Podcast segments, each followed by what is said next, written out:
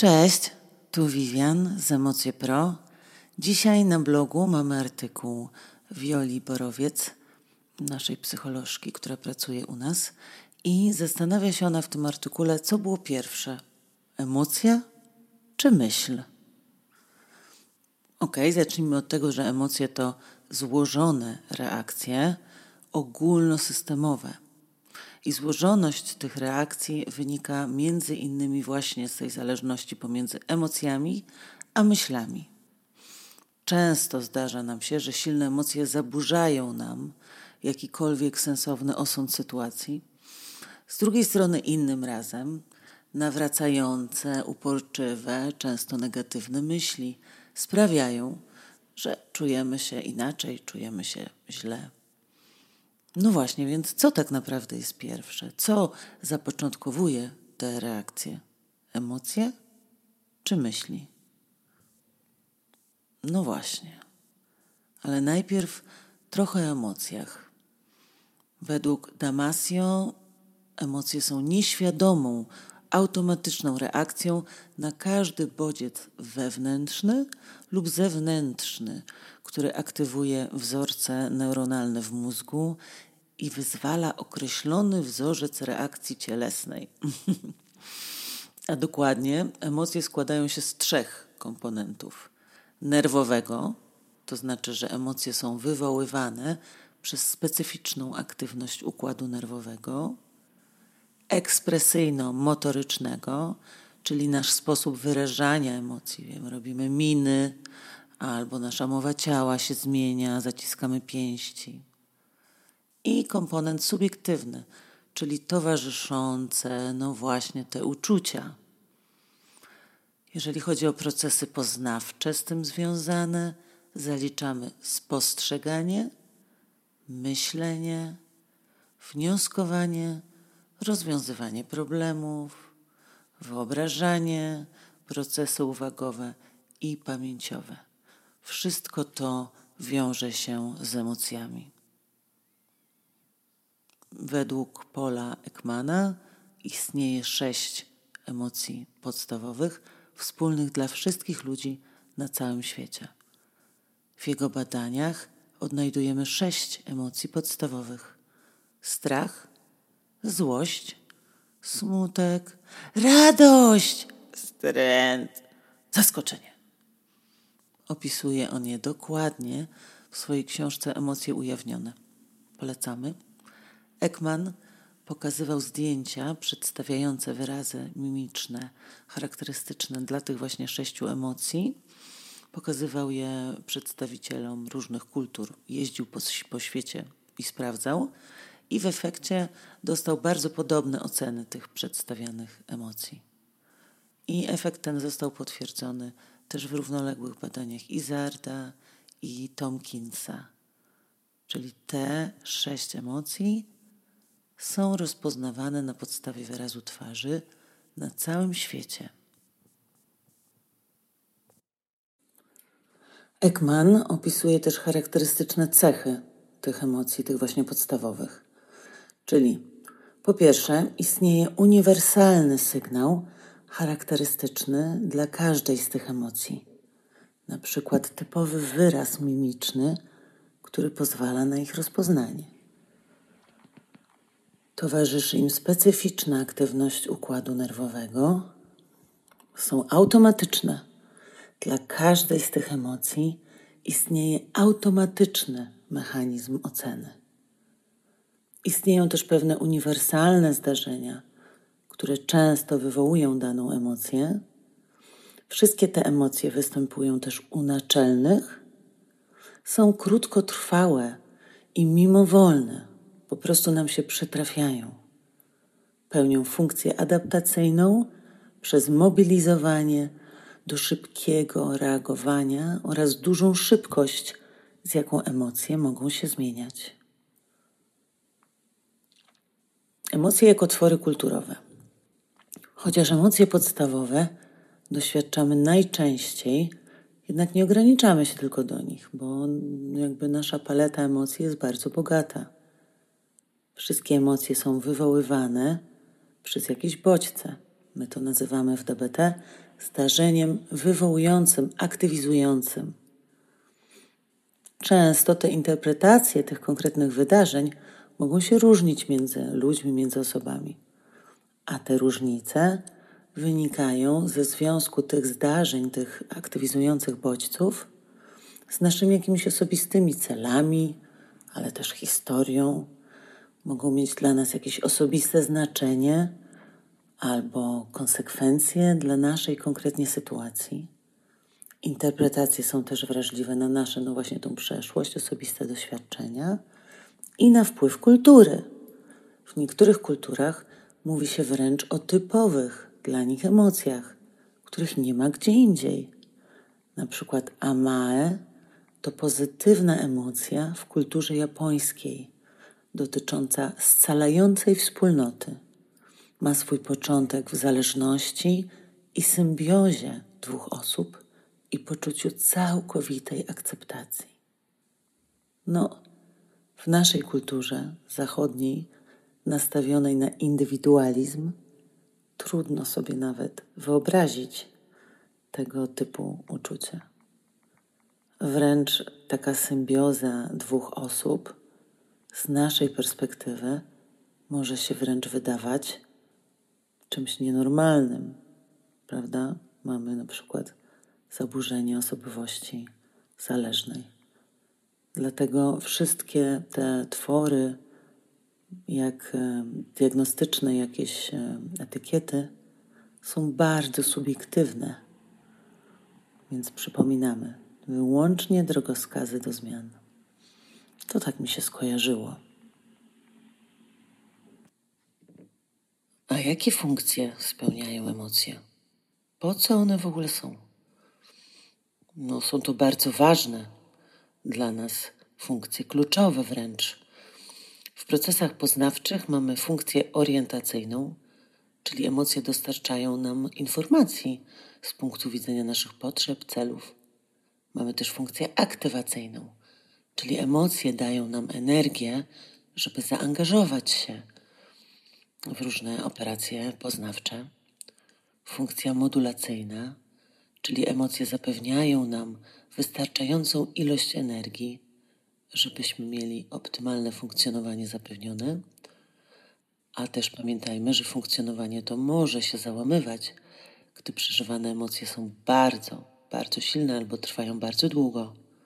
No i mamy też funkcję metapoznawczą, czyli pomagają nam wybrać najlepsze strategie, procesy do danej sytuacji. Mieliśmy też w psychologii taką wielką dyskusję, co było pierwsze, jajko czy kura, czyli jajko to emocje, a kura to myśli, czy tam procesy poznawcze. No i Robert Zając uważał, że najpierw przetwarzamy emocjonalnie, a dopiero później poznawczo. I oczywiście miał dowody na to. Na przykład odkrył efekt samej ekspozycji, czyli wzrost pozytywnej postawy na skutek samej ekspozycji, na przykład zobaczenia czegoś. Zobaczenie czegoś sprawia, że mamy lepsze emocje w stosunku do tego czegoś. Nawet gdy bodźce są eksponowane podprogowo, a więc zbyt krótko, żebyśmy mogli się zorientować, co to jest, i tak są rejestrowane przez nas, i później yy, mamy inną ocenę emocjonalną tego. Czyli ocena dobry, zły poprzedza rozpoznanie i identyfikację cech jakiegoś bodźca. Czyli najpierw stwierdzamy, o spoko, fajne. Dopiero potem ogarniamy, co to w ogóle jest. To zupełnie jak w związkach. Najpierw się zakochujemy, a potem dopiero dociera do nas w kim. To jest oczywiście żart. Nie ma takich praw stwierdzonych.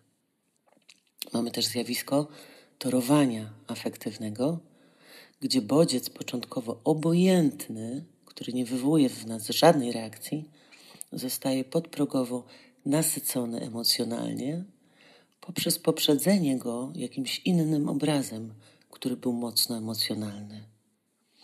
Mamy też badania neuropsychologiczne LEDu, które pokazują, że informacje z naszych narządów zmysłowych, czyli na przykład wzrokowe, docierają do ciała migdałowatego, tam następuje ocena emocjonalna, a dopiero później docierają do kory mózgowej, a tam można je przetworzyć poznawczo i tam można rozpoznać bodziec.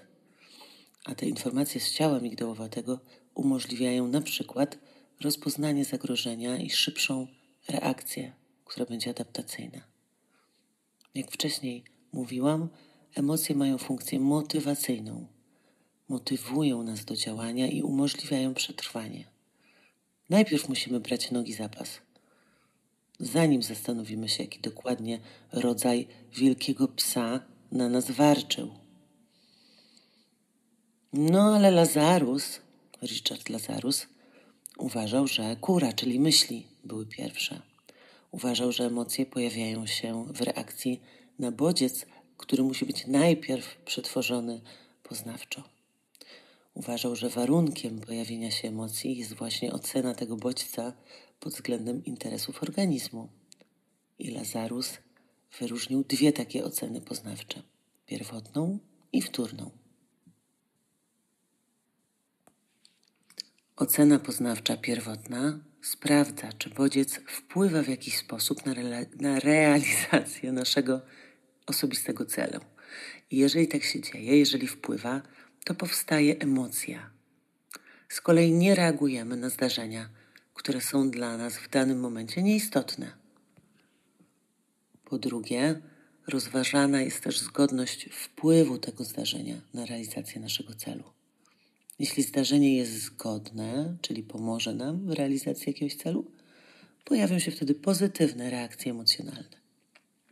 Jeśli jest niezgodne, to znaczy szkodzi osiąganiu przez nas celów, pojawiają się emocje negatywne. Oprócz tego oceniamy jeszcze inne czynniki, czyli na przykład intencjonalność. Czyli jeżeli idę do szkoły i dowiaduję się tam na miejscu, że profesor odwołała mm, egzamin ustny, który miałam dzisiaj z nią mieć, no to jeżeli byłam przygotowana, no to źle to wpływa na mój cel i będą emocje nieprzyjemne. A jeżeli byłam nieprzygotowana, to będzie to korzystne dla mojego celu. No i mogę jeszcze się zastanawiać, czy profesor nie zrobiła tego specjalnie. Wtedy też moje emocje mogą się zmienić. Mamy jeszcze ocenę poznawczą wtórną, i ona się skupia na możliwości poradzenia sobie z tą emocją. Czyli jak ta emocja ostatecznie wpłynie na mój dobrostan. Kiedy smutek pojawia się jako normalna reakcja na nieodwracalną stratę, też będę oceniać, na ile mogę sobie poradzić z tym. Jeśli na przykład będę otoczona wieloma przyjaciółmi, to być może uznam, że jakoś sobie z tym poradzę. A jeśli zostałam zupełnie sama, no to oczywiście moja ocena, ta wtórna, będzie zupełnie inna. No, jak zwykle w psychologii, uzyskano konsensus, a więc kura tańczy z jajkiem. Sam Lazarus stwierdził, że w realnym życiu taka dyskusja, co by jest pierwsze, nie ma większego sensu. Emocje są odpowiedzią na znaczenie, które człowiek przypisuje wydarzeniom. Emocje i procesy poznawcze wpływają na siebie wzajemnie i w zależności od złożoności sytuacji wzbudzają różne drogi przetwarzania sytuacje proste, sytuacje, gdzie bodziec jest dobrze określony, sytuacje wymagające natychmiastowej reakcji, mamy dolną drogę wzbudzania afektu, czyli mamy prymat afektu. Pierwsze będą emocje. Kiedy problem jest złożony, mamy drogę górną. Tutaj już zaangażowana jest pamięć, analiza konsekwencji, i tu mamy poznanie pierwotne czyli myślenie. Hmm, znowu ta interpretacja. Kluczowe znaczenie dla powstawania emocji ma ocena i interpretacja wydarzeń. Uważa się, że reagujemy na nasze oceny i interpretacje sytuacji, a nie sytuację samą w sobie. Czasami wystarczy tylko zanalizować daną sytuację, aby domyślić się, jaką emocję ktoś przeżywa. No ale z tym to też bywa różnie, bo różne sytuacje na różnych ludzi, te, przepraszam, ta sama sytuacja na różnych ludzi może wpływać jednak inaczej. No ale jakieś prawidłowości pewnie z grubsza można znaleźć. Zdarzenia są oceniane z uwagi na ich konsekwencje dla nas i innych, no jasne, i mogą wywoływać emocje różne jak niechęć, ale też nadzieja albo strach.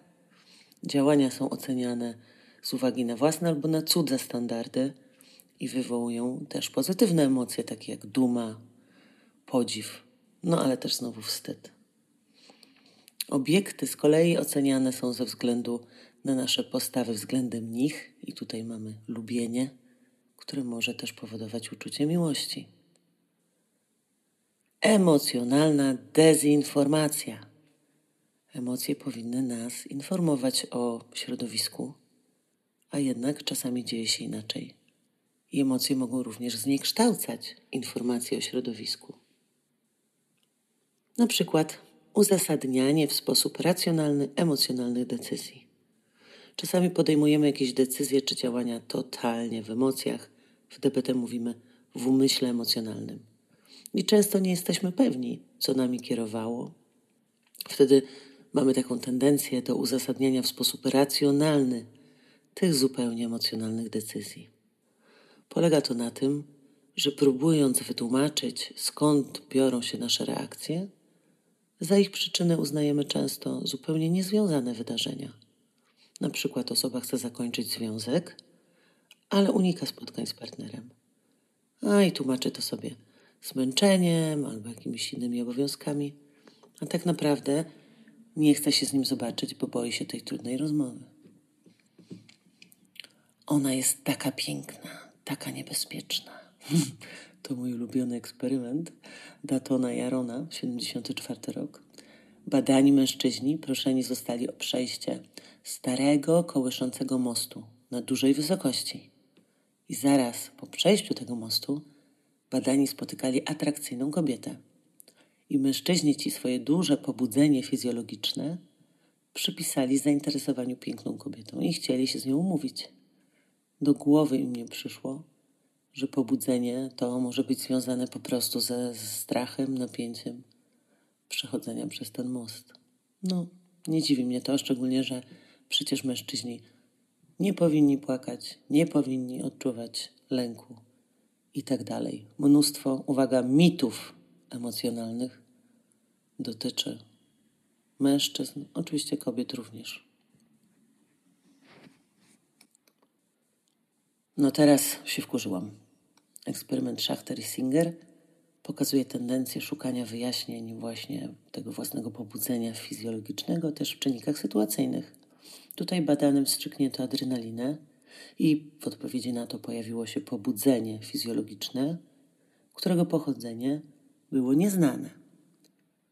I najsilniej i najczęściej reagowali gniewem badani, którzy nie znali skutków, nie wiedzieli, że zostało im coś wstrzyknięte albo nie wiedzieli, co to powoduje i przypisywali swoje wzburzenie oddziaływaniu czynników sytuacyjnych. Natomiast gniew był dużo słabszy u osób, które spodziewały się takiego działania e, po tej adrenalinie. A co jeśli odczuwamy pobudzenie, ale nie potrafimy znaleźć wytłumaczenia w środowisku zewnętrznym? No cóż, zostało udowodnione, że ludzie poszukują wtedy przyczyn swojego zachowania w swoim wnętrzu i odwołują się do łatwo dostępnych treści, to co łatwo sobie przypomnieć. Wpływ emocji na nasze oceny. Czasami trudno jest odróżnić emocjonalną reakcję na daną sytuację, a wpływ emocjonalnych pozostałości po jakichś innych sytuacjach. W DBT nazywamy to czynnikami wrażliwości, czyli coś, co już sprawia, że jesteśmy bardziej podatni na kolejne emocje. Jeżeli ktoś jest poirytowany od dłuższego czasu, dosyć łatwo będzie spowodować u tej osoby wybuch złości. Może się pojawić pewna irracjonalność w takiej sytuacji. Jak już emocje opadną po jakimś czasie, te intensywne emocje mogą się wydawać nieuzasadnione, bo te poprzedzające właśnie te czynniki wrażliwości, zostały zapomniane. A czasami też dajemy się ponieść tak bardzo sytuacji, jesteśmy tak pochłonięci własnymi uczuciami, że to również może prowadzić do impulsywności, krótkowzroczności. Na przykład, kiedy musimy udowodnić swoją rację w kłótni, a dopiero po fakcie widzimy, że zraniliśmy osobę, na której nam zależy. Zresztą złość to jest taki pakiet ewolucyjny, który daje nam poczucie, że to ja mam rację, a wszyscy inni się mylą. Tak działa złość. Złość ma pomagać nam przezwyciężać przeszkody, więc tam nie ma czasu na zastanawianie się, kto ma rację, a kto nie.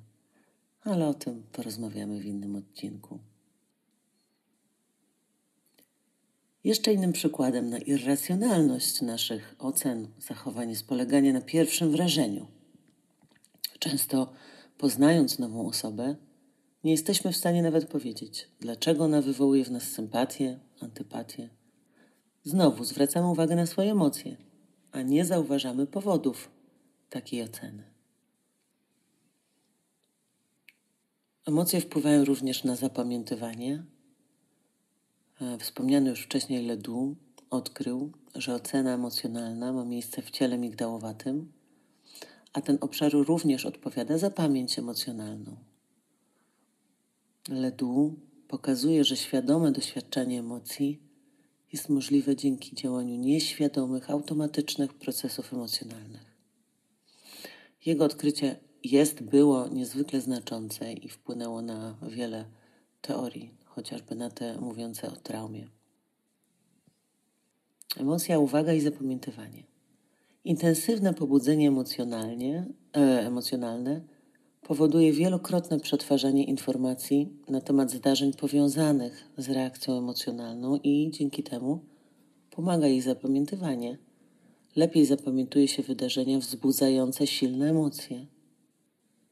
Bodźce silnie nacechowane emocjonalnie mają pierwszeństwo w przetwarzaniu informacji i często wręcz odwracają uwagę od bodźców neutralnych, utrudniając tym samym ich zapamiętywanie. Często pamiętamy dokładnie, że dana osoba coś nam zrobiła, no ale szczegółów tej okoliczności tak dobrze nie pamiętamy. Kolejnym przykładem są zeznania świadków zbrodni, które nie są zbyt dokładne, nieadekwatne. Zwykle te wydarzenia towarzyszące tam również nie są zapamiętywane.